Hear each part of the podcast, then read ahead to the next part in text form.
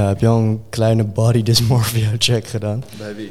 Bij jezelf? Hé man, ik heb geen body dysmorphia. Nee? Nee. Ik begrijp ook niet wat dat is, eerlijk gezegd. Body dysmorphia is volgens mij gewoon de mannelijke term voor anorexia. Hmm. Als in, eh, het slaat volgens mij op dat mannen zichzelf, die naar de gym gaan, zichzelf niet groot genoeg vinden. Maar is dat een... Wat, wat is dat dan? Dat ze zeg maar in de spiegel kijken en Ja. dat ze denken van, oh, ik zie er niet goed uit. Dat begrijp ik, maar is, eh, valt het onder een eetstoornis of onder... eh, wat ik is weet dat? niet, ik denk niet dat het onder een eetstoornis valt. Ik denk dat ze wel goed eten en goed drinken, maar ik denk dat het slaat op het feit dat ze zichzelf niet eh, hetzelfde zien als dat ze er werkelijk uitzien. Ah. Maar volgens mij heeft iedereen daar wel last van. Ja, dit is Het gewoon... is soort Waarom moet het allemaal een label krijgen? Het is gewoon... Ieder, je bent toch nooit... Het is toch altijd... Dat is altijd zo, toch? Als je lang naar iets kijkt, dan, dan, valt, dan vallen de veranderingen niet meer op. Ja, klopt. Maar het is volgens mij gewoon nu een term in fitness community, de mannelijke fitness community. Ik heb ook body Om, dysmorphia. om gewoon onzekerheid, zeg maar een andere term voor onzekerheid. Ik vind dat wel nice, man. Dat, eh, dat ook mannen steeds meer die onzekerheid omarmen. En dat er niet meer wordt gedaan alsof we geen gevoelens hebben. Mhm. Ik denk dat dat juist wel een soort van mannen vrijmaakt om hun gevoelens te uiten. Maar dat maakt ze ook sterker, denk ik. Omdat ze op die manier beter met hun gevoelens om kunnen gaan. Ik zie af en toe wel, en ik- ben daar helemaal mee eens. Ik zie af en toe wel eens als ik weet ik, van een interview kijk of zo. En dan begint opeens, eh, nou ik weet dan vooral voorbeelden met mannen. Maar dan gaat een man opeens vertellen over iets uit zijn, uit zijn verleden. Wat hij heel lang voor zichzelf heeft gehouden. Vertelt hij daar openlijk over. En dan zie je, dat heeft hij dan nog nooit openbaar verteld. En is hij daarna altijd super, super opgelucht. Ja, Dus het lucht ook wel op. dat denk ik ook wel, ja. Maar ik denk dat dat vooral, zeg maar... Oh, ik ga nu wel misschien een vergelijking trekken die misschien niet goed is. Maar net zoals dat bijvoorbeeld vrouwen een soort van onrealistisch eh, lichaamsbeeld gepresenteerd hebben gekregen voor twintig jaar lang met, nou Mhm. gewoon misschien voor altijd al. Maar natuurlijk piekt dat een beetje in de 2000 met eh Victoria's Secret eh, Ja, ja. crash diëten en zo. Hebben mannen ook een soort van idee voorgeschoteld gekregen van wat een man moet zijn. En een man hoort zijn gevoelens niet te uiten. Of tenminste, dat, zo ben ik echt opgegroeid. Hou je gevoelens voor jezelf. En dat, ik, be- ik besef nu helemaal dat dat helemaal niet een man maakt. Dat is dat, dat juist het tegenovergestelde. Een man kan juist goed met zijn gevoelens omgaan. Mhm. Kan juist goed articuleren wat hem dwars zit. Articuleert het ook. eh, laat het ook weten als, als, als hem iets dwars zit. En dus eh, dat, dat merk ik wel, dat, dat, dat het helemaal anders zit. Ja. Ik denk dat die transitie maken mannen nu veel door. Ik merk dat veel op TikTok en op Instagram. Ja, maar ik, ik vind, wat, wat denk je dat dat getriggerd heeft, die shift? Want dat is, ik merk, zeg maar, nu zie je het heel erg veel. Maar ik denk dat wel een paar jaar geleden, toen de eerste mensen daarmee begonnen, toen was het nog best wel tricky. Als in om daarover te posten. Toen was het nog heel erg fragiel en een onderwerp waar je het niet over had. Ja, ik heb wel een theorie daarover. Ik denk dat... Nice. Oké, nu ligt de druk wel, wel Ja. hoog. Ehm, nee, maar ik, ik, heb, ik heb het idee dat eigenlijk gewoon steeds meer mannen hebben het zwaar. Ah, ik weet ook niet of, maar ik denk gewoon dat steeds meer mannen het zwaar hebben. Mhm. En dat, ehm, dat zeg maar de samenleving iets zeg maar manonvriendelijker wordt. Of ja, nu zou je kunnen zeggen dat het altijd te manvriendelijk is geweest. Maar het wordt Mhm. iets manonvriendelijker. Zeg Ja. maar, Ehm, niemand hoort te gamen. Ehm, maar toch gamen jonge jongens, zeg maar, van iedereen het allermeest, weet je wel. Mhm. Dus ik denk dat zij het meest, zeg maar, ten prooi vallen aan die gemoderniseerde samenleving die eigenlijk niets wat mannen echt mannen maakt, naar buiten haalt en versterkt. Dus ik denk Mhm. omdat zoveel mannen nu dat merken van shit, ik, ik voel me gewoon niet voldaan, Ja. dat ze elkaar nu vinden op social media. Maar het is grappig wel dat je daar de term zwaarder voor gebruikt. Want als je bijvoorbeeld kijkt naar, weet ik veel, eh 30, 40, 65 jaar geleden, zeg maar, toen had je het fysiek veel zwaarder.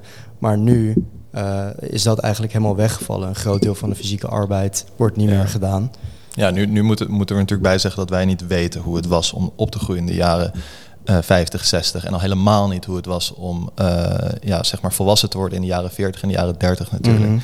Dus dat wil ik er wel bij zeggen. Maar ik denk echt dat, dat veel jongens en veel mannen op dit moment het gewoon zwaar hebben. En dat, is, dat zal altijd natuurlijk zo zijn geweest. Maar we, natuurlijk hebben we het zwaar. We, we, we, we hebben ineens te maken, en niet, niet alleen mannen, maar we hebben het nu over mannen, toch? Mhm. Maar we hebben nu te maken met zo'n snelle modernisering.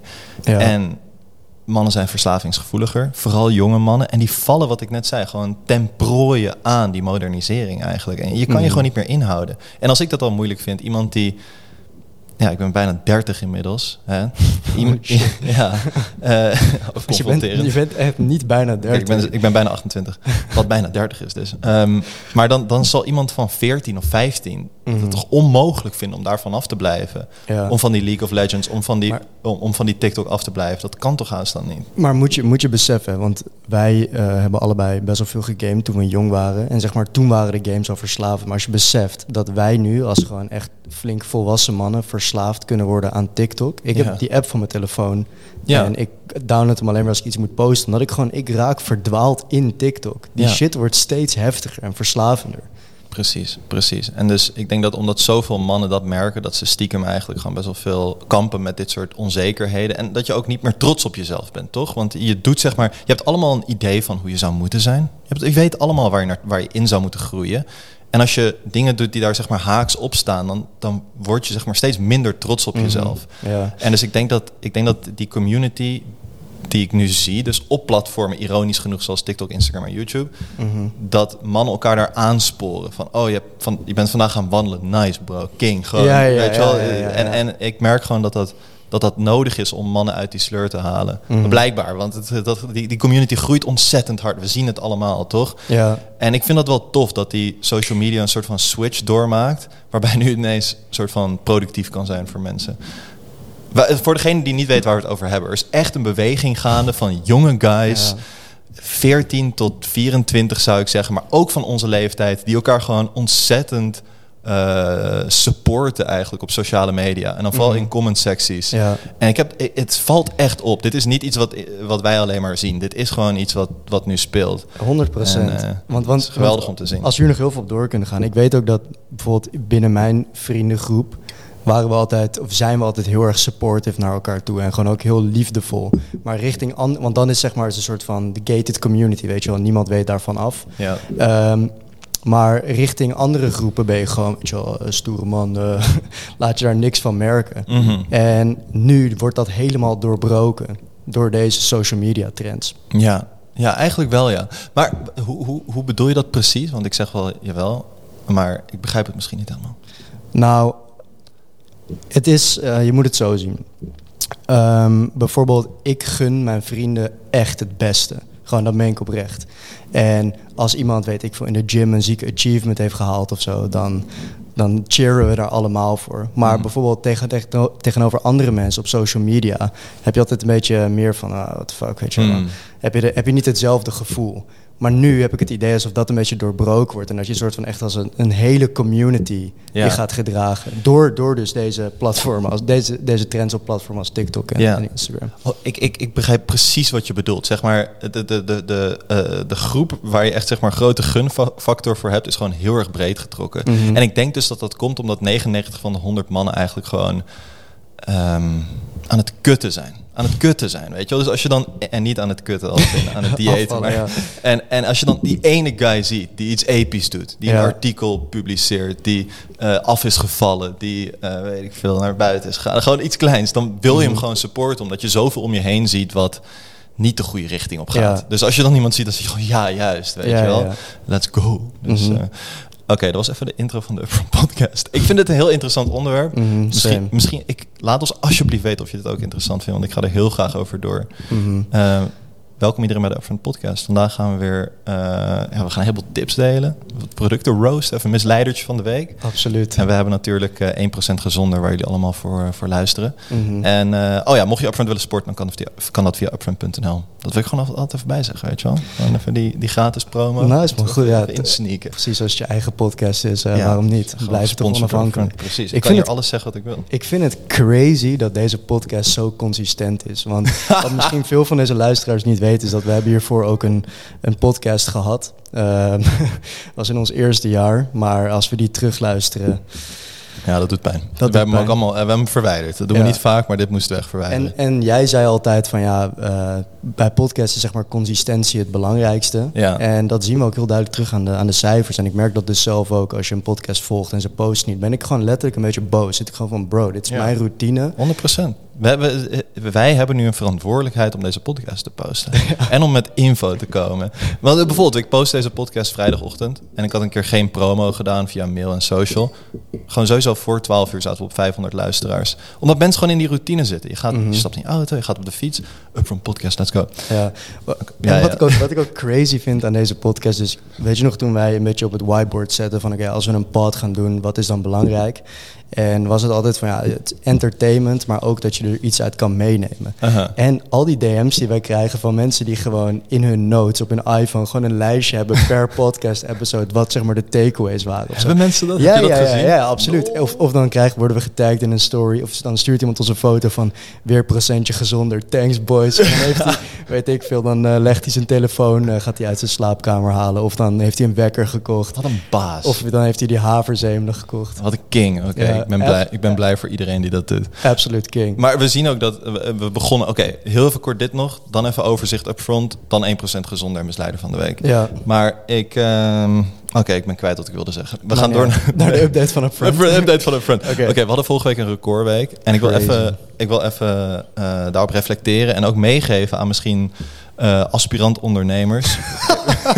Sorry, ik weet niet hoe dat zegt.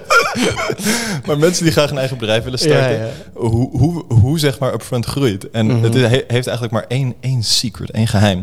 En dat is dat we elke week 1% eh, en, de klantervaring 1% proberen te Mhm. verbeteren. En ik denk echt dat dat het geheim is van wat we doen. Zeg maar. Verder doen we niet zoveel speciaals. We zitten elke donderdag voor, één, voor, voor een uur tot anderhalf uur met de mensen die gaan over productontwikkeling, over logistiek, over marketing.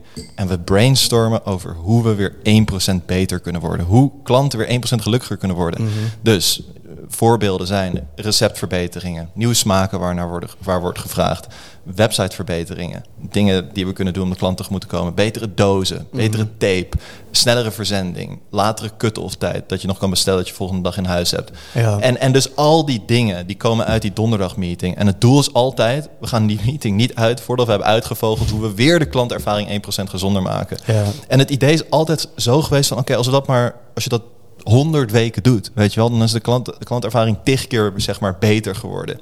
En dus dat is het hele geheim. En ik merk gewoon dat dat zijn vruchten afwerpt. Want de bars worden steeds beter. De vegan eiwitten worden steeds beter. De dozen kloppen nu allemaal. Het klopt met de e-mails, zeg maar. Mhm. En, en dus als je daar maar elke keer over blijft obsederen... Ja. dan je merkt dat niet maar na 100 weken, na twee jaar... staat er gewoon iets wat zoveel beter is dan dat, dat daarvoor stond. Dus dat is ons geheim.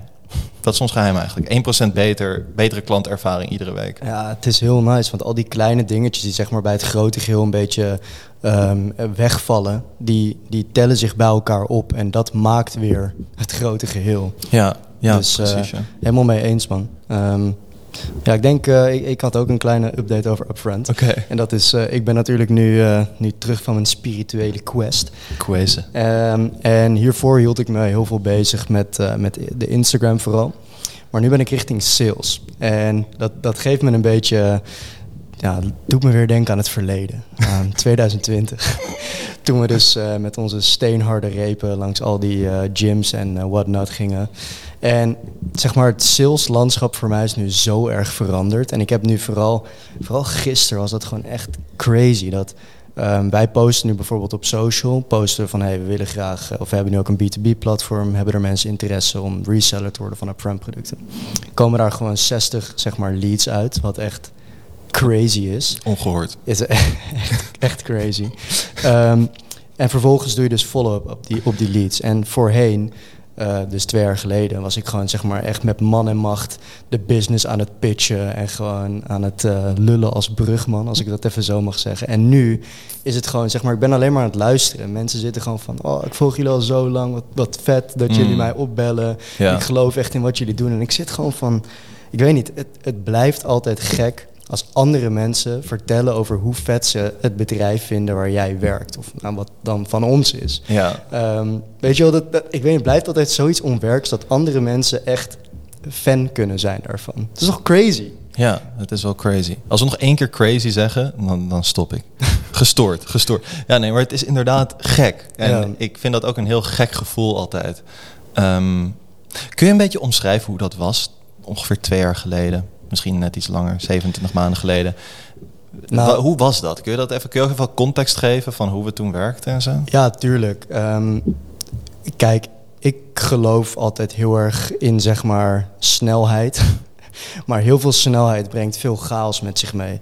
Dus ons idee was gewoon ja, zo snel mogelijk locaties aan boord krijgen, afzet genereren. Ja, dit was Eh, trouwens, even voor context, sorry maar dit was twee jaar geleden, iets langer. En we hadden net onze eerste batch aan repen eh, geproduceerd. En eh, die was net binnengekomen. Je moet je voorstellen dat die minimum afnamehoeveelheden enorm zijn. Dus we zaten gewoon met 10.000 repen eigenlijk in ons kleine kantoor. Waar we niet vanaf moesten, maar ja, die we wel aan de man moesten brengen. Ja, en het was, was pre-corona. En toen dachten wij nog dat de enige manier om een voedselbedrijf te bouwen was offline. Ja, Uh, we, we, hadden, we kenden geen voorbeelden van voedselbedrijven online.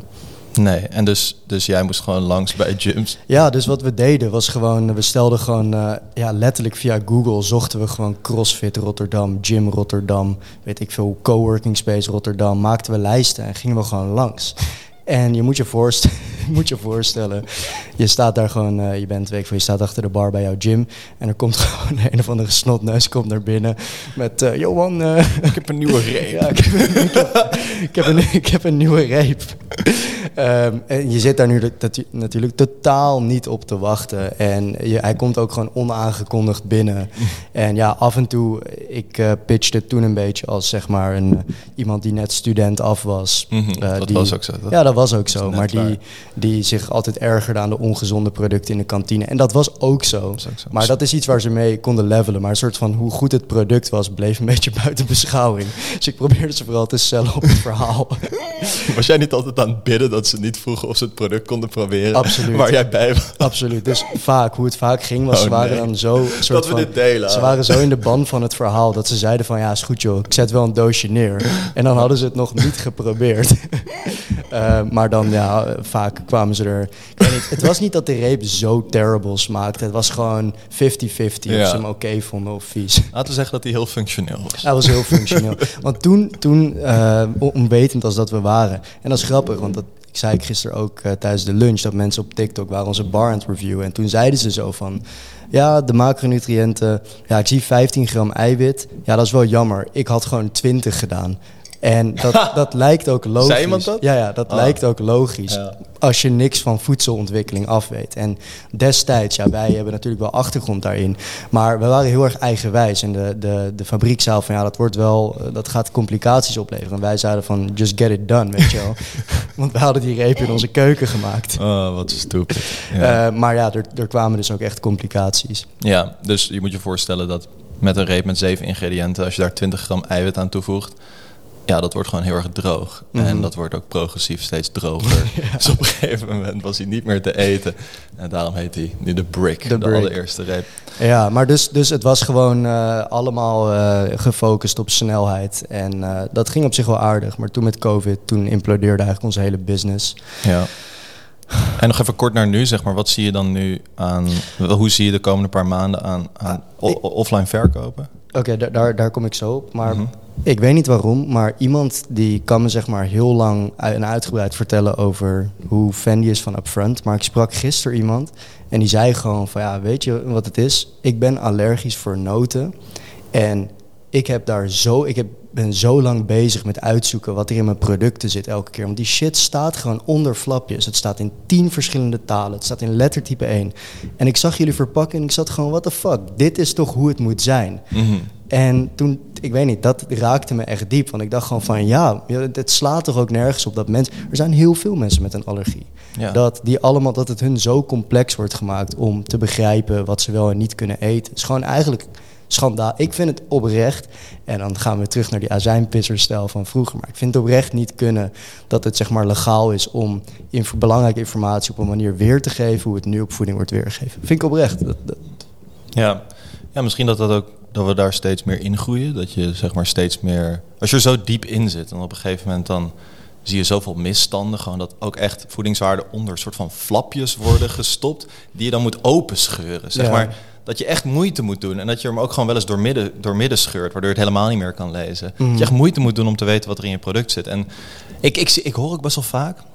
Dat is de eerste kritiek die mensen vaak hebben. Vaak mensen die niet bezig zijn met gezondheid. En dat is niet, dat is goede kritiek hoor, maar ehm, het, is niet, het is niet waar. Ik ga het wel even debunken.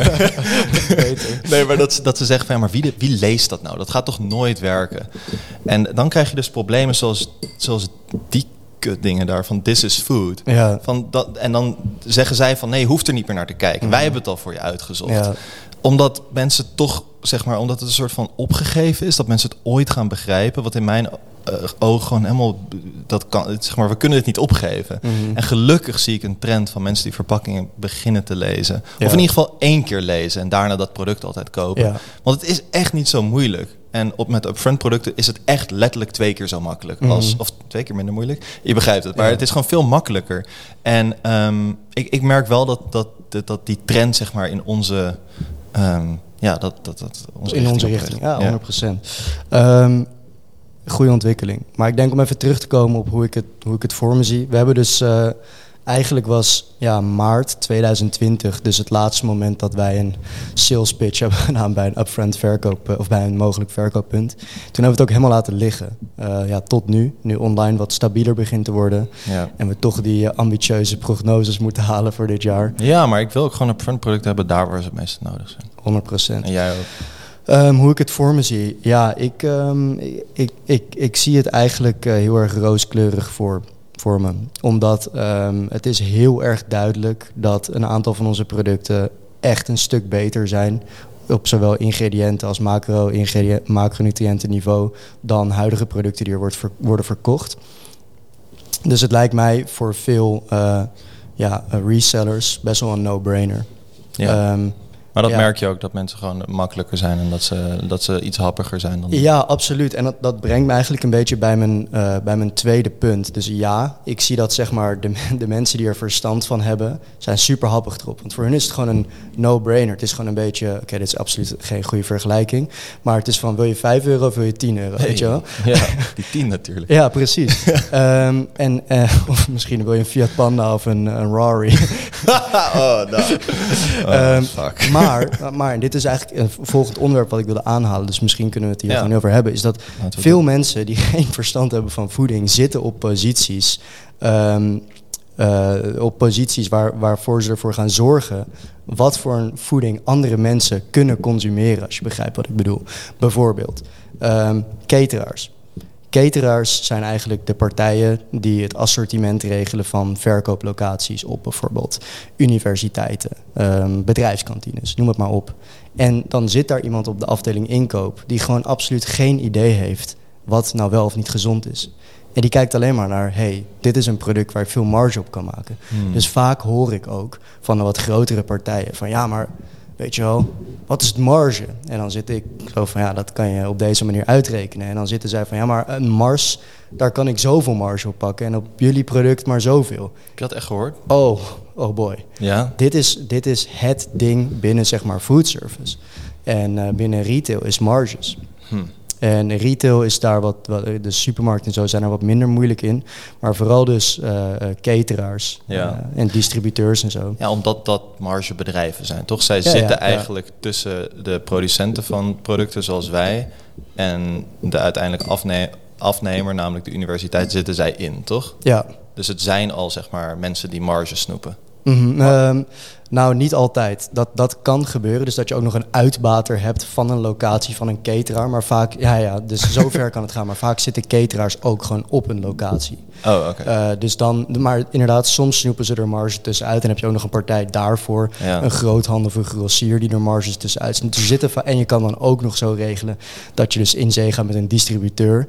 Die dus jouw product overal neer gaat Bij leggen. alle cateraars. Precies. Maar dan pakt hij ook weer marge. En Moet je je voorstellen dat je zo'n bedrijf begint? Oké, sorry, ik wil niet te negatief zijn, maar, maar vertel zeg maar. Oké, mensen die dus over inkoop gaan van, van producten hebben geen verstand van gezondheid. Vaak niet. Hm. Nee, vaak niet. Eh, en nu zijn we natuurlijk wel heel erg aan het generaliseren, want we zitten ook nog niet heel lang, zeg maar, nu in, in eh, dit hele verhaal. Maar ik weet wel van ervaring tot nu toe dat best wel vaak dat ik iemand spreek, dat ik denk van ja, maar je geeft werkelijk waar geen flikker om de gezondheid van eh, degene die bij jou afneemt. Je geeft alleen maar om hoeveel marge je kan maken. Want ja, je kan veel meer marge maken op een massaproduct en Ja. een product met eh, ongezonde ingrediënten en goedkope ingrediënten. Want dat is vaak zo dat eh, ongezonde ingrediënten ook goedkoper zijn. Zoals bijvoorbeeld een Mars, Snickers. Er er zijn fucking hoge marges op te maken. Want suiker is ook sowieso duurder dan eiwit. Uh, goedkoper dan ja, ja, tja, absoluut. En- Suiker super cheap. Marsen worden met de miljoenen per uur, gedrukt natuurlijk. Precies, ja. Dus je hebt zeg maar, je hebt een beetje. Ik, ik ben ook heel erg aan het zoeken zeg maar, naar een partner die zo zit van ja, dat margeverhaal. Dat, want ze maken ook echt extreem hoge marges Mm. vaak.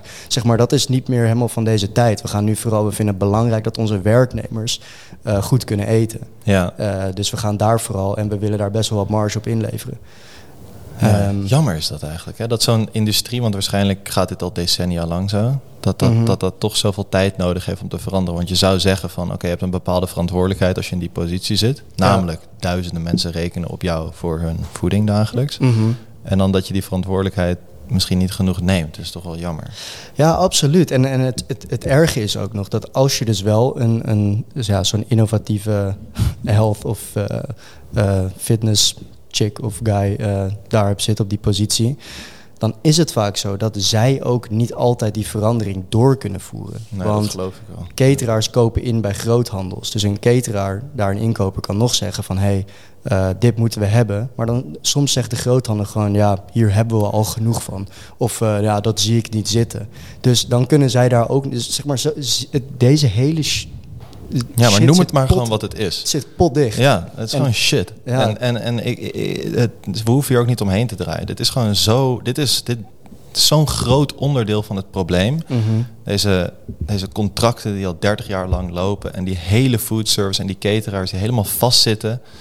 Ehm, en die groothandels die inderdaad geen nieuwe producten accepteren. Omdat zoiets soortgelijks in het assortiment hebben. Wat er helemaal niet op lijkt. Ja, ja, we hebben al een reep in het ja, ja, ja, assortiment. ja. Ja, Nee, no chips, he- chips hebben we al, ja. Snacks. ja, ja, ja. Maar zo gaat het echt. En dat soort antwoorden krijgen wij dan terug. En dat is gewoon, dan ben je eindelijk zover. Dan moet je met zo'n groothandel in gesprek. Mhm. En dan komt die van, ja nee, we hebben al snacks. Ja, oké. Dude. ja. maar ik merk wel dat de positie waarop dat was het zeg maar groeien, dat helpt wel. Want ik Mhm. denk dat een heleboel partijen ook gewoon graag ja, met Upfront willen werken. Dus Mhm. dat, dat- ik merk zelfs bij dat soort partijen dat dat wel helpt. Maar dat is ook de, de, ja, de luxe positie, als we het zo kunnen noemen, van het op dit moment doen. Want we hebben de social media presence, we hebben al de afzet. Ja. Ehm, dus het is een soort van complementair. En vaak dan eh, kennen mensen het ook al, wat heel erg scheelt. Ja. En ik weet nog destijds toen we het probeerden, twee jaar geleden, ja, dat is echt, dat, dat ging nooit werken op die manier. Nee, maar ik vind dat wel jammer, want ik denk wel dat wij nu in een positie zijn waar het wat makkelijker gaat. En dat is zeg maar een beetje dat concept van dat je je voet tussen de deur moet krijgen en dat het dan wel denk ik gaat rollen. Maar als ik nu opnieuw een bedrijf, eh, een bedrijf zoals Upfront zou moeten beginnen, ja, het is wel moeilijk om er tussen te komen, weet je wel. En je wordt best wel snel uitgekleed. Ik weet nog dat wij zaten in 2020 bij een cateraar of distributeur. Distributeur. één put, één pot I don't- weet je wel. Maar, en dat we gewoon zaten met allemaal mensen die horloges om hadden van echt minimaal 10.000 euro. Ja. En dat ze ons even gingen vertellen hoe ze ons product gingen wegzetten. Mhm. En dan bleef er nog iets van 4% marge voor ons over of zo. En dat was gewoon van, dude, ja, oké. Ah, weet Ja. je wel? En eh, allemaal dikke auto's voor de deur en zo. Ik ga gewoon heel slecht op die hele, die snoeperts die ertussen zitten. Die Ja. eigenlijk niet zoveel doen. Het is een beetje dat old boys network. Ja, precies. Heel erg, ja. Ik regel het wel Ja, terwijl, bij, het, eh, terwijl het gaat, en sorry maar dat ik hier boos om word, maar het gaat om mensen hun gezondheid. Dat hoort geen old boys network meer te zijn. Mhm. Dat hoort gewoon zo te zijn dat het gezondste product eigenlijk wint. En Ja. natuurlijk moet er marges op kunnen worden gemaakt, maar ze kunnen marges op onze producten Ja, maken. makkelijk. Gewoon geen 50 of 60 procent. Ah, nou, als ze dat zouden nemen, zouden we overal liggen. Oh, oké, is het meer dan dat? Nou, hangt van, eh, hangt van de partij of Ja. hoeveel partijen ertussen Zie zitten. je, Maar maar- echt, je ja. kan echt makkelijk genoeg marge pakken en het dan nog voor een echt competitieve prijs aanbieden. Ja, dat, maar- dat meen ik Maar oprecht. we gaan geen 70 procent afstaan. Dat gaan we gewoon Nee, niet doen. nee, dat- dus nee. nee. dat kunnen ze gewoon pot op. Weet je wel. Ja, Oké, Eh, maar in ieder geval, ehm, ondanks dit, en ik bedoel, we kunnen ook niet verwachten dat het fucking makkelijk gaat en alles is onderhandelbaar. Eh, we beginnen er net mee, dus ik zie het wel rooskleurig in. Maar het is wel nu iets waar ik nu induik, waarvan ik echt zit van nee, dit, dit, dit kan gewoon niet dat dit zo muurvast zit. Dit slaat eigenlijk gewoon nergens. Want net zoals wij zijn er waarschijnlijk tientallen andere food startups die ook, ook een heel goed product hebben en het willen wegleggen. En die, voor hun wordt de deur gewoon keihard dichtgegooid. Ja, maar weet je waar ik bang voor ben? Ik begrijp wat je bedoelt. Dat het gewoon de enige manier is om gewoon eh, volgens de regels te spelen. Daar ben ik bang voor. Dat wij op een gegeven moment ook gewoon, zeg maar, we'll have to suck it up of zo, weet je Mhm. wel. En gewoon een beetje moeten ass likken en dat het dan wel goed komt. Maar weet je wel, zeg maar, dat dat de enige manier is. En dat het probleem, dat het misschien wel met ons lukt, dat hoop ik. Maar, en dat zou nice zijn, want dan hebben mensen een upfront alternatief op hun Snickers of wat dan ook. Mhm. Maar dat het daarna gewoon dit verandert gewoon niet meer. Dat dit gewoon in Nederland zo een muur vast zit. Ja. We gaan door, denk Ja. ik. Toch? Ja. Of heb jij nog... Nee, nee, nee. nee, dit was het eh, voor, voor dit onderwerp. Oké. Ehm, misschien iets wat hier nog een beetje op aansluit. Is, ik moest hier aan denken. Ik had eigenlijk vorige week willen zeggen. Maar heb je wel eens bij stilgestaan hoe zeg maar, belachelijk het eten is wat ze serveren in vliegtuigen? Ik heb natuurlijk toen ik in Vietnam was, moest ik veel vliegen. Uh-huh. Ehm, je krijgt daar gewoon eten waarvan ik echt zit van, bruh, wat is dit? Het is altijd best wel willekeurig. ja. Het is gewoon echt heel random. En ik ben, ik ben ook echt crazy benieuwd hoe ze dat altijd klaarmaken. Oh, ik mag geen crazy meer zeggen. Ja. Gestoord benieuwd. Nee. echt benieuwd hoe ze dat klaarmaken. Ja, ik ook. Want het is altijd echt best wel gloeiend heet. Mhm. En eh, ik, ik, eh, het klinkt een beetje verwend, maar ik vlieg helemaal niet zo vaak meer. Maar als ik een lange vlucht doe, ik eet vliegtuigeten niet meer. Want ik merk dat ik er zo slecht op ga. Dat, eh, mijn tip is gewoon, koop twee, twee flesjes water, koop een zak noten... En doe het daarmee tijdens je vlucht. Want dat vliegtuig eten, ik ga er zo slecht op altijd. En ik ben gevoelig voor verschillende... Maar volgens mij zit daar zoveel chak in... die Ja. ze erbij moeten doen om, die, om het op 10.000 meter hoogte nog warm te krijgen. Eh, En eetbaar. En eetbaar te krijgen, sorry. Eetbaar bedoel ik natuurlijk. Maar- Ehm, dat, dat wil je gewoon niet weten. Maar ik. dat is dus één. En dan heb je ook nog die maaltijden die op, of die, die snacks die je op kortere vluchten kan kopen. Zeg maar, het is wel echt alsof ze hun best hebben daar om gewoon niks fatsoenlijks ertussen te krijgen. Ja, ja maar ik, ik denk gewoon dat, dat de, de marges van de, van de vliegtuigindustrie zijn zo... Zeg maar, ik heb wel eens gelezen dat gemiddeld zeg maar, over de hele geschiedenis van de, van de luchtvaart... Mhm. wordt er 70 cent op één passagier verdiend. Ja. Ehm, nee, nee, nee, nee. Sorry, zeg ik, zeg ik. 70 cent op een vlucht. Op één vlucht. Omdat gemiddeld is bijna de hele industrie break-even. Ja. En eh, gaan er evenveel eh, maatschappijen failliet als dat er nieuwe maatschappijen bij komen. En dus ze werken al met zulke nauwe marges waarschijnlijk... dat die zakjes pinda's, dat dat, gewoon, dat, dat uitmaakt. Dus dat, of die zakjes eh, gezouten nootjes die je krijgt of zo. Ja. Dus, ja, maar ik, de, ik denk gewoon altijd van... Als ik, als ik dan aan het vliegen ben, denk ik van... Hey, weet je hoe nice zou zijn als je hier gewoon upfront product zou kunnen kopen? Want dat is echt perfect voor zo'n vlucht. hmm. Maar ja, als je dan zou gaan verdiepen, zeg maar... Het is al moeilijk om bij een cateraar binnen te komen... om zeg maar bij een vliegtuigmaatschappij binnen te komen. Volgens mij is dat ook wel lastig. Oh ja. boy, dan heb je, heb je een, een vader nodig die mensen kent. Fuck, ja, die moeten we even fixen. Ja, even een Als, pa. als iemand nog een goede vader heeft, Een pa. kan hij ons een DM sturen. Oh, dat, lijkt me ook, dat lijkt me ook tof als we inderdaad even een product daar kunnen krijgen. Maar gewoon een currytje of zo. Ja, ja ik- dat zou perfect Ik zijn. zou hem sowieso klappen. 100%. Nog laag in sodium, weet je wel. Voor, voor alle mensen met, met problemen met bloeddruk. 100 procent. Ja, Zullen, zullen we even door naar eh, het product dat we morgen gaan lanceren? ja Want- ik heb hem al op. Ja, ah, ik, ga hem, ik heb hem Je bijna moet hem op. wel even roeren. Ja, dit is eh Mark's een grote passion project geweest. Als afgelopen jaar. Oh, we hebben hier twee jaar aan gewerkt. Ja. Oké, nee, ik moet even beschrijven wat het is.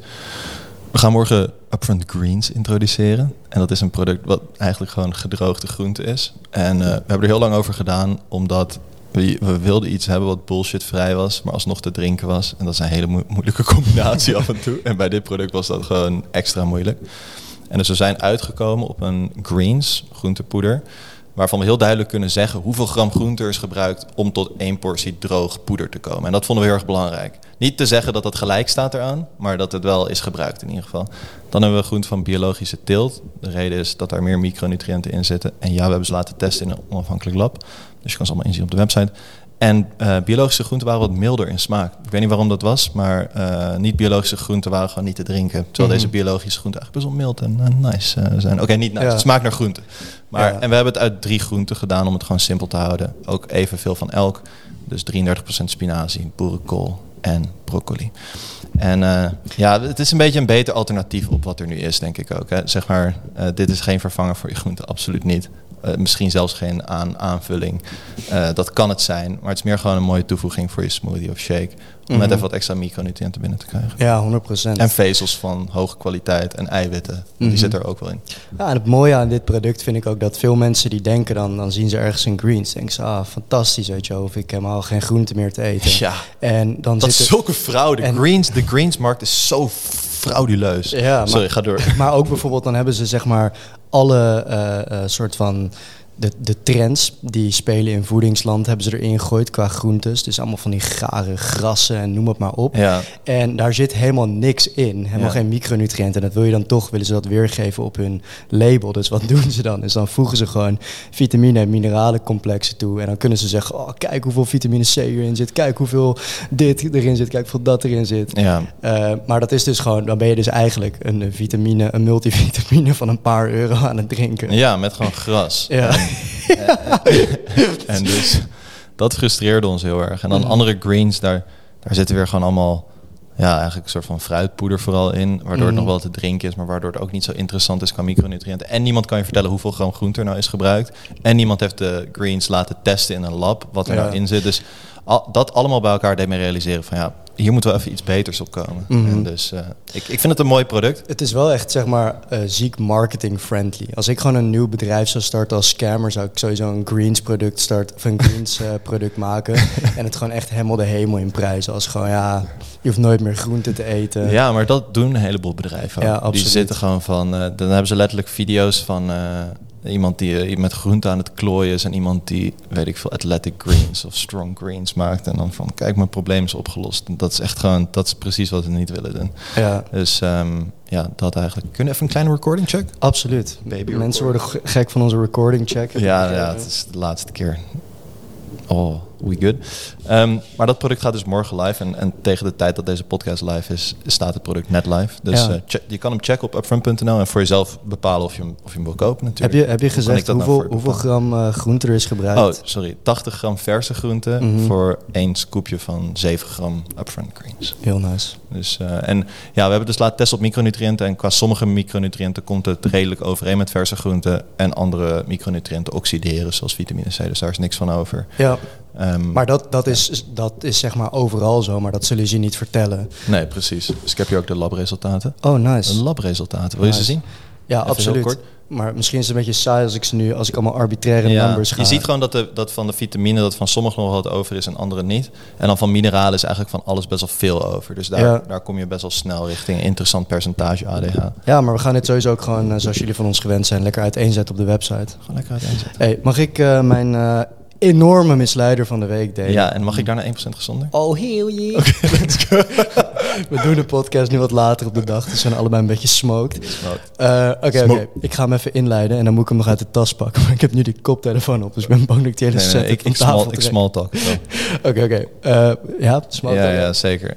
Harro bukt nu richting zijn tas om iets knisperends uit zijn tas te halen. Dus ik denk je dat... Oei, Oké, twee oké, potten. Oké, oké. Ehm, even een kleine inleiding. Je hebt dus nu een nieuwe, eh, een fucking nice sportschap in de Albert Heijn. Wat echt great is. Want wij hebben eh, jaren gezegd van ja, we willen niet in de Albert Heijn liggen totdat ze hun schap op orde krijgen. Hmm. Want het, het, het schap voor zeg maar sportvoeding en supplementen. Ik weet niet wat, daar, daar was gewoon nooit een vakkenvuller werd daarop gezet. Want was er altijd gewoon één grote rotzooi. Ja, dat ik, heb, is waar. ik weet nog dat ik Altijd van die rare bedrijven ook die erin lagen. ja, en ik weet nog, ik, ik eh, nam daar heel vaak foto's van. Een beetje onder het mom van ja, als we dan ooit bij Appie gaan pitchen, dan kom ik gewoon met een slideshow van dat schap. van, van jou, krijg dit op orde. Oké, oké, eh, genoeg eh, met deze. Maar ze hebben nu dus een nieuw schap. ja, ze hebben dus een nieuw schap en daar staan hele mooie eh, producten in. De iets eh, ja, eh, meer sportvoedingachtige producten. Maar dat betekent ook dat producten van Weight Care, het, jullie hebben ze ongetwijfeld ooit wel een keer gezien, ergens op de onderste plank in een willekeurig schap van Albert Heijn, weer een iets prominentere plek hebben gekregen. Nou, en ik heb ze altijd met rust gelaten, want ik wist altijd al hoe wack ze waren, omdat ze lagen ergens in de appie waar niemand ze ooit ging vinden. Mhm. Maar ik heb hier een, een, een weight care afslankshake. En ik ga even aan jou, Mark, mijn beste collega, vragen om eh, het eerste ingrediënt hardop uit te spreken. Suiker. Deze Oh, fake afslankshake, laugh much. Maar deze afslankshake bestaat voor 42% uit pure suiker. lekker op gewicht. It's crazy. Hoe, hoe kan dit? Hoe Het kan is crazy, want zeg maar als je bedenkt, hè, als je bedenkt, gaan we even heel, een hele simpele oplossing geven. Mhm. Als jij wil afvallen, moet je dus minder calorieën binnenkrijgen dan dat je dagen. Of eh, ja, minder, Jesus, onder je onderhoud zitten qua calorieën. Ja. Nou, dus hoe krijg je met zo'n shake minder calorieën binnen? Is heel simpel, een zoetstof gebruiken in plaats van suiker. Mhm. Ja, maar waarom zou je ook, zelfs als je suiker gebruikt, bijna de helft suiker doen? Ik weet niet, het is crazy. Het is, Maar hier laat ze ook een soort van schijf zien. De schijf van vier. En dan hebben ze com- complete shake. Fiber, vezels, proteins, eiwitten, minerals en vitamins. Maar er staat niks over de Ja. 42% suiker. Terwijl dit bij elkaar is 100%. toch?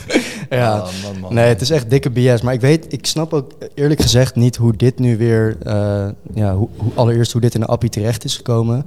eh, en hoezo ze dit daar naartoe hebben verplaatst. Want dit gaat eigenlijk, dit biedt het hele purpose, eh, of het verslaat het hele doel van het schap. Ja. Oh man, dat was een goede, Ja, dat was ik een- redde mezelf goed. Ja, even, je eindigt bijna als clip op TikTok. Als Boyd Hoeka. Ehm, Zo'n ja, en mind. hier is ook nog een, een eh, weight care eh, drink van, of drankje van eh, ook weer zo'n drinkmaaltijd waar ook eh, ja, evenveel suiker in zit als cola, zo'n blikje cola.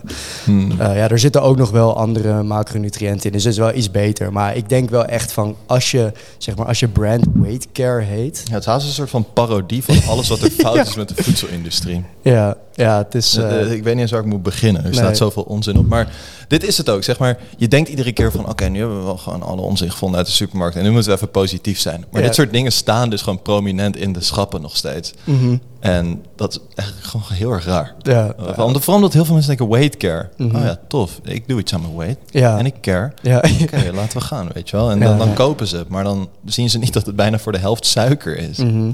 Maar ik denk ook wel, eh, ik vraag me ook altijd af als zeg maar bedrijf, dan denk je er ook van dit is niet toekomst eh, veilig, toekomst, Toekomstbestendig? toekomstbestendig. Oh, dankjewel.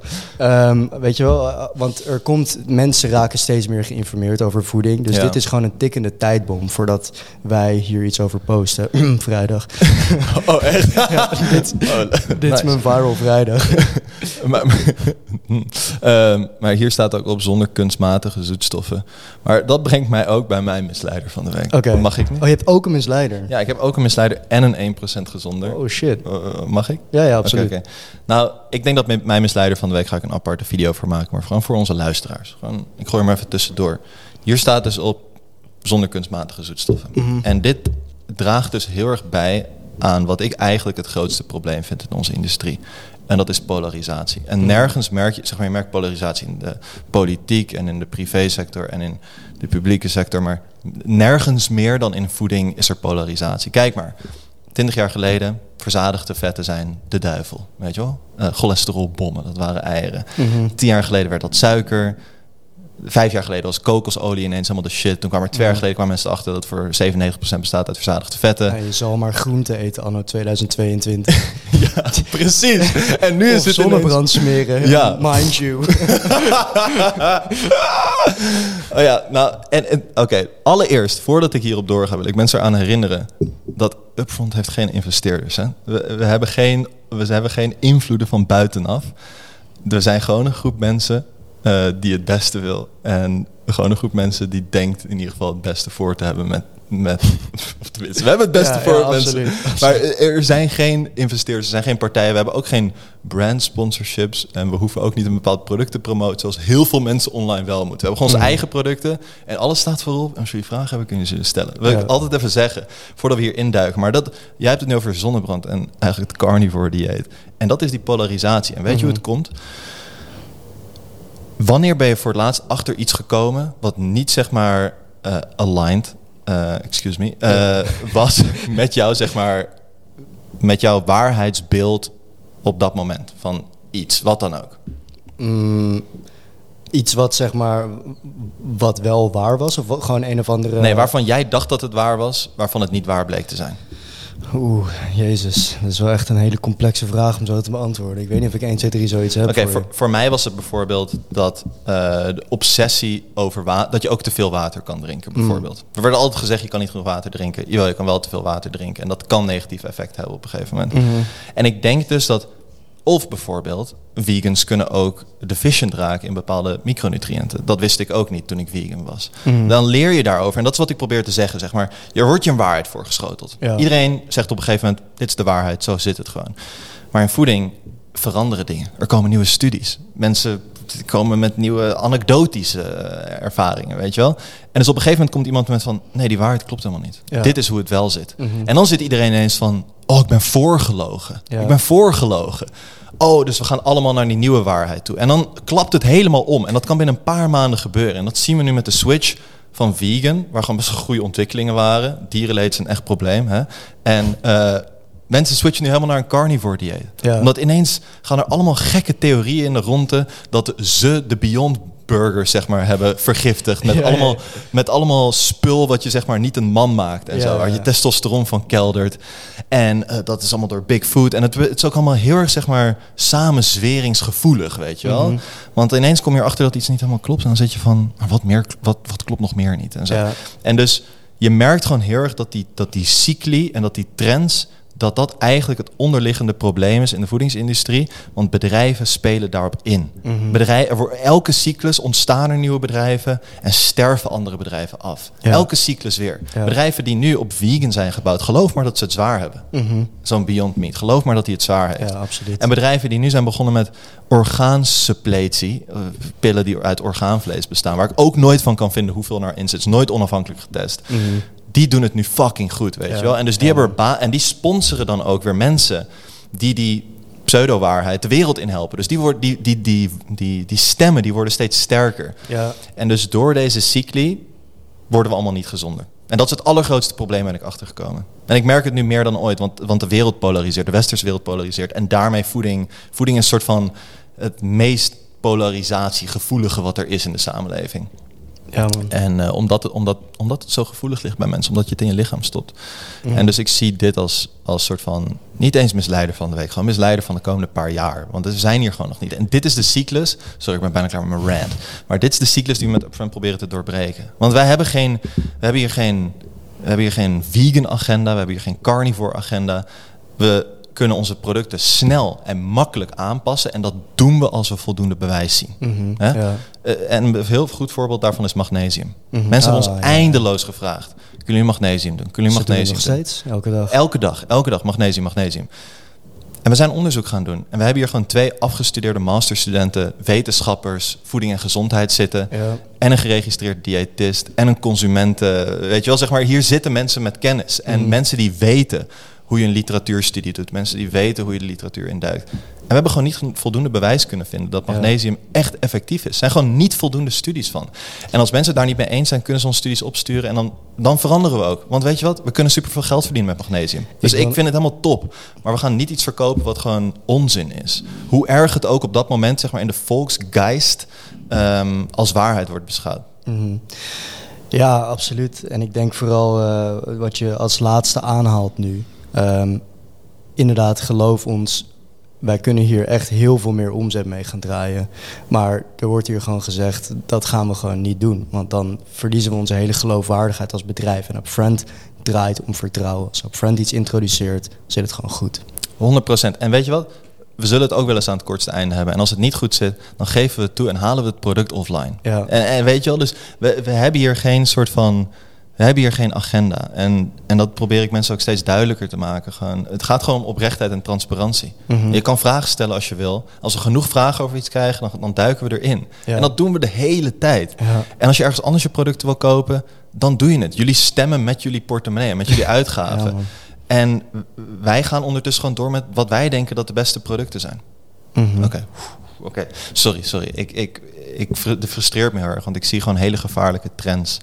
En ik draag misschien wel zelf een beetje bij aan het probleem als ik even reflecteer. Doordat ik hier zelf zo met gestrekt been inga. Want je moet eigenlijk begrip voor elkaar hebben. Mhm. Maar Maar, dat- ik weet niet, zeg maar, ehm, best wel vaak posten wij ook iets waar we zelf niet altijd baat bij hebben. Zoals over creatine en haaruitval. Ehm, ja, ja dat, dat, dat is één voorbeeld. Maar er zijn meerdere voorbeelden waarin wij zeg maar gewoon de waarheid belangrijker vinden dan onze eigen 100 portemonnee. procent. 100 procent. Producten die we zeg maar hebben vernietigd omdat ze niet kloppen. Ja, Eh, duizenden euro's aan productontwikkeling die we gewoon ja, hebben gelaten voor wat het was. De- omdat het product gewoon niet klopte. Precies. En 100% Hoeveel producten we wel niet tot een stadium zijn gekomen waar we eigenlijk gewoon klaar waren om te lanceren. Mhm. Het zijn er meer dan tien inmiddels. En voor elk product wat we doen, doen we er drie niet. En zo Ja. gaat dat hier gewoon. En, dus, en, en ik geloof er ook heilig in dat dit de enige manier is en hoe Upfront echt groot kan worden. En hoe we deze cyclus eindelijk doorbreken. Van de hele tijd die soort van yo-yo beweging. Mhm. En dat zwart-witte gereden neer. Ja. ja, want uiteindelijk, kijk, wij proberen mensen zoveel mogelijk, zoveel mogelijk te informeren over voeding en gezondheid, zodat mensen hun eigen waarheid kunnen vormen. Ja, En op basis van die waarheid kunnen ze onze producten wel of niet kopen. precies. En uiteindelijk moeten wij gewoon een best wel breed assortiment hebben, zodat mensen gewoon hun eigen keuze kunnen maken. Oké, oké, we, zijn het, we zijn het hevig met elkaar eens hierover Ja. natuurlijk. Eh, misschien dat we een keer een debat kunnen met iemand die nu zweert bij zo'n nieuwe, nieuwe trend. Ehm, want, want die mensen zijn er heilig van overtuigd dat dit op dit moment... Maar wij zitten hier al negen jaar in in deze industrie. En wij weten dat dit een paar jaar geleden de vegans waren. Wij weten dat het de- een paar jaar daarvoor de if it fits your macros peoples waren. Mhm. en, de, en de keto people. Dus het was gewoon, weet je wel... Dit, Ik wil ook even nog heel graag iets zeggen over de mensen die een bepaalde waarheid verkondigen. Want wij gaan best wel vaak, hebben we zeg maar DM-discussies met hun. En dan zeggen ze altijd, en dat komt een beetje terug op de podcast van vorige week, of wanneer dan ook, over Ja. die studies. Oh ja, nee, die studies die heb ik hier allemaal. Ik zal ze even naar jullie sturen. En dan ik heb komt nog er nooit iets nooit- ontvangen. Oh, nog nooit. Ik zie dat zo vaak ook. En dan is er nooit een, een, een, een- follow-up. Nee, gewoon nooit. Gewoon e- nog geen één keer. En we hebben met, met meer dan tien van deze, zeg maar, diehard pre... Ik bedoel, dood. eh, ja. Nee, ik begrijp wat je bedoelt. Maar, eh, eh, eh, zeg maar ik neem die mensen niks kwalijk. Want dat zijn gewoon mensen die iemand volgen... die Ja. een binaire waarheid... een binaire onwaarheid de wereld in helpt. En, en die praten dat gewoon na. Net zoals dat, ik praat ook dingen na, weet je wel. Mhm. En dus je volgt iets en je wordt erdoor beïnvloed... omdat mensen gewoon st- sterke karakters hebben... en je kunnen beïnvloeden. En dan, en dan ga je dat nadoen. En dan... Weet je wel, dus ik neem die mensen echt helemaal niks kwalijk. Ik vind het juist dat zij zeg maar dat, dat, en ik merk bij mezelf ook dat je ten prooi valt aan een bepaalde trend. Hè? Mhm. Want laten we eerlijk zijn, wij vallen daar ook gewoon nog steeds ten prooi aan. Ja. Ondanks dat we hierin zitten. Ga ik alsnog mee met dat soort dingen af en toe. Dat vind ik ook kloot. Maar weet je wel, dus... Gelukkig ja, hebben we hier hele slimme mensen op kantoor die ons af en toe een beetje De binnen de lijntjes eh, houden. ja, gelukkig wel, ja. Ja. Hey, 1% gezonder. 1% gezonder. Mag ik hem doen? Eh, ik heb ook niks. Dus, eh, ben jij klaar met je ja, topics? ja, ik- Ah, geweldig. Ehm, ja, ik ben... Ja, ik ga wel echt volledige guru-modus hier. Oh. Maar, oh, ja, ik weet het. Maar ik ben vroeg opstaan aan het herontdekken. Mm. Ik, weet je wel, zeg maar... Dat wordt altijd een soort van bij gezworen van... Ja, je moet vroeg opstaan en zo. En ehm, ik heb dat een tijdje gewoon niet gedaan. Ik moet eerlijk zijn. Van 2018 tot ongeveer een maand geleden... eh, deed ik dat gewoon niet. Ik Mhm. eh, had gewoon scheid. Ik stond gewoon op wanneer ik wakker werd. En af en toe was dat zelfs half negen. Ja. En dan was ik op negen uur op werk. maar dan was het wel haasten. En af en toe was het half zeven. Maar het, wa- het was gewoon nooit consistent. mm. En em, oké, dus je wil vroeg opstaan misschien, hè? nu, nu begint het allemaal voor mij in één keer een beetje op zijn plek te vallen. Dat soms kwam jij op kantoor om 9 uur met helemaal van die rood doorlopen ogen. Dan was je gewoon net wakker. Ja, dat was ik echt net wakker. Ik dacht dat je nog steeds altijd vroeg opstond. Nee, helemaal niet meer. Want ja, ik kom hier wel even, maar we come clean. Ehm, Mhm. Maar, ehm, dus, hoe, oké, dus hoe sta je vroeg op? Want ik, ik merkte gewoon dat ik er gewoon niet meer uitkwam. Ik zat Mhm. gewoon, ja, ik, weet je wel, ik heb er geen energie voor. En dan hield ik het een week vol. En, dan, en ik denk dat het heel erg te maken heeft met een soort van afspraak met jezelf. Mm. Want, en je moet door een soort van periode heen gaan. En daarom dat dat soort dingen zoals 75 Hard en 50 Days en hoe heet het ook weer van 50, Nico? eh, Project 50. Project 50 en al dat soort projecten werken. Omdat je hebt gewoon een heel, heel duidelijk aantal dagen dat je iets gaat doen. Ja. En ik stel voor dat we dat voor onszelf gaan doen. We hebben die projecten allemaal niet nodig. Jij moet voor jezelf, zeg maar, je moet de Harrow Challenge bedenken. Of de Mark-uitdaging. Of weet ik veel, 55 Harrow. Ja. En dat je gewoon voor jezelf uitschrijft wat je in die 55 dagen gaat doen. En ik heb dat nu voor mezelf gedaan. En mijn Mhm. cyclus is, eh granted, 365 dagen. Maar, en, en, maar het is wel gewoon mijn uitdaging, weet je. Want ik ga hem aan en, ehm, en het is van mij een soort van. En Ja. ik, alleen ik weet het. En dus je hebt elke dag een soort van... ehm, weer een soort van die, die respect die je naar jezelf opbouwt als je dan Mhm. weer vroeg opstaat. Op een gegeven moment zit je erin. Ik zit er nu bijna een maand in. En dan gaat het gewoon weer vanzelf. En dus je moet er even inkomen. En daarvoor moet je een soort van uitdaging voor jezelf bedenken. Ja. En dat helpt heel erg goed om erin te komen. En oké, dan wil ik nog heel even doorgaan. Hold on to that thought I will. baby. en ehm, ik merk gewoon de voordelen van vroeg opstaan heel erg. Ik, je, op een gegeven moment ben je ook niet meer moe in de ochtend. Dus dan Mhm. begint je dag gewoon echt twee uur eerder dan dat hij normaal begon. En, oké, ochtenduren. Iedereen zweert altijd van, "Maar mijn ochtenduren zijn zo productief. Eerlijk, mijn ochtenduren zijn ook niet altijd even productief. Ik zet koffie, ik open mijn laptop. Als ik geluk heb, ga ik aan het werk. Als ik pech heb, open ik YouTube. Weet je wel? Echt? ja. maar, maar. Je credibility gaat echt down the drain. Ah, dat- ik, ik ga ook wandelen, ik ga trainen, ik ga allemaal dingen doen. Maar oké. ik heb niet dat ik echt zit van... Zijn die films op Insta wel echt? dat Die zijn echt trainen bent? 100%. En ik doe ook echt 100 pull-ups of 100 dips of wat ik dan ook zeg dat ik ga doen. En de tijd klopt ook altijd. Maar ehm, ik, ga niet, ik, ik ga niet zweren nu dat ik bijvoorbeeld altijd 10 minuten ga mediteren of zo, weet je wel. Mhm. Ik doe dat niet. Want ik ben op 6 uur opgestaan, weet je wel. Ik heb die al. Ja. Dus, en dan automatisch, omdat je al iets hebt, ga je sowieso nooit echt op TikTok zitten. Want je wil het niet, zeg maar, verpesten. Ja. En eh, oké, dus hier komt het op neer. Ochtenduren zijn altijd productiever dan avonduren. Je komt thuis, je gaat toch niks meer doen wat productief is. Je gaat Netflix kijken en daarna ga je naar bed. Dus ik denk dat het beter is om in te leveren op een paar avonduren en die in de ochtend te pakken. Want avonduren zijn gewoon altijd verneukt. Omdat je hebt misschien ook een, een partner of je hebt vrienden en die zijn niet bezig. En die zijn gewoon aan het chillen. En dan ga jij ook chillen en dan chill je veel te lang. En dan zit je op je telefoon, weet je wel. En dus je kan beter wat eerder naar, naar bed gaan en gewoon die ochtenduren secure Ja. in de bag. Ja, 100% man. Ochtenduren zijn echt voor mij normaal ook by far mijn eh, meest productieve uren. Maar ik heb nu, ik, ik weet niet wat er met mij aan de hand is. Misschien door die, door die silent retreat. Maar ik ben zo crazy. Oh nee, oh nee. Ongelooflijk. Piep. Eh, ik ben zo ongelooflijk productief de laatste tijd. Gewoon in de uren na zes. Wat Ja. normaal echt altijd mijn minst productieve uren ooit. En dan zit ik hier meestal gewoon echt... en Dan, dan doe ik vier uur over iets wat echt in 20 minuten had gekund. Maar ik weet niet wat het is. Laatst Ja. heb ik hier tot half één s'nachts gewoon echt, echt productief gewerkt. Ja, maar dan moet je dat ook gewoon doen, Ja. weet je wel. Daar moet die ruimte voor zijn. Mhm. En ik heb mijn dat... vriendin die zat al meteen van, wat ben je nou weer aan het doen? Want ik had nog om half twee iets naar haar gestuurd. Zei van, jezus, ben je zo laat aan het werken? Aan Ik was, stappen. ik was, gewoon, ja, ik was gewoon echt productief en dan moet je dat ook vasthouden. Ja. Ja, precies. Dan moet je dat vasthouden. Dan moet je daarin meegaan. Mhm. En dan maar iets minder slaap. Tenminste, zo sta ik er vaak. Maar ik, ik vroeg me af hè, over, dat, eh, over die afspraak met jezelf. Heb je ook een fysiek contract gemaakt en dat getekend?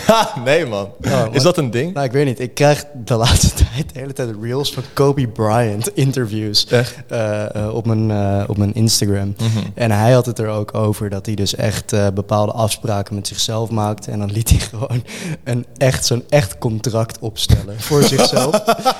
En dan, eh, dan ondertekende hij dat. Wat een baas. Ja, en dan was het gewoon van eh, dat hij vertelde dat hij dus niet met zichzelf in discussie ging. Because I already signed the papers.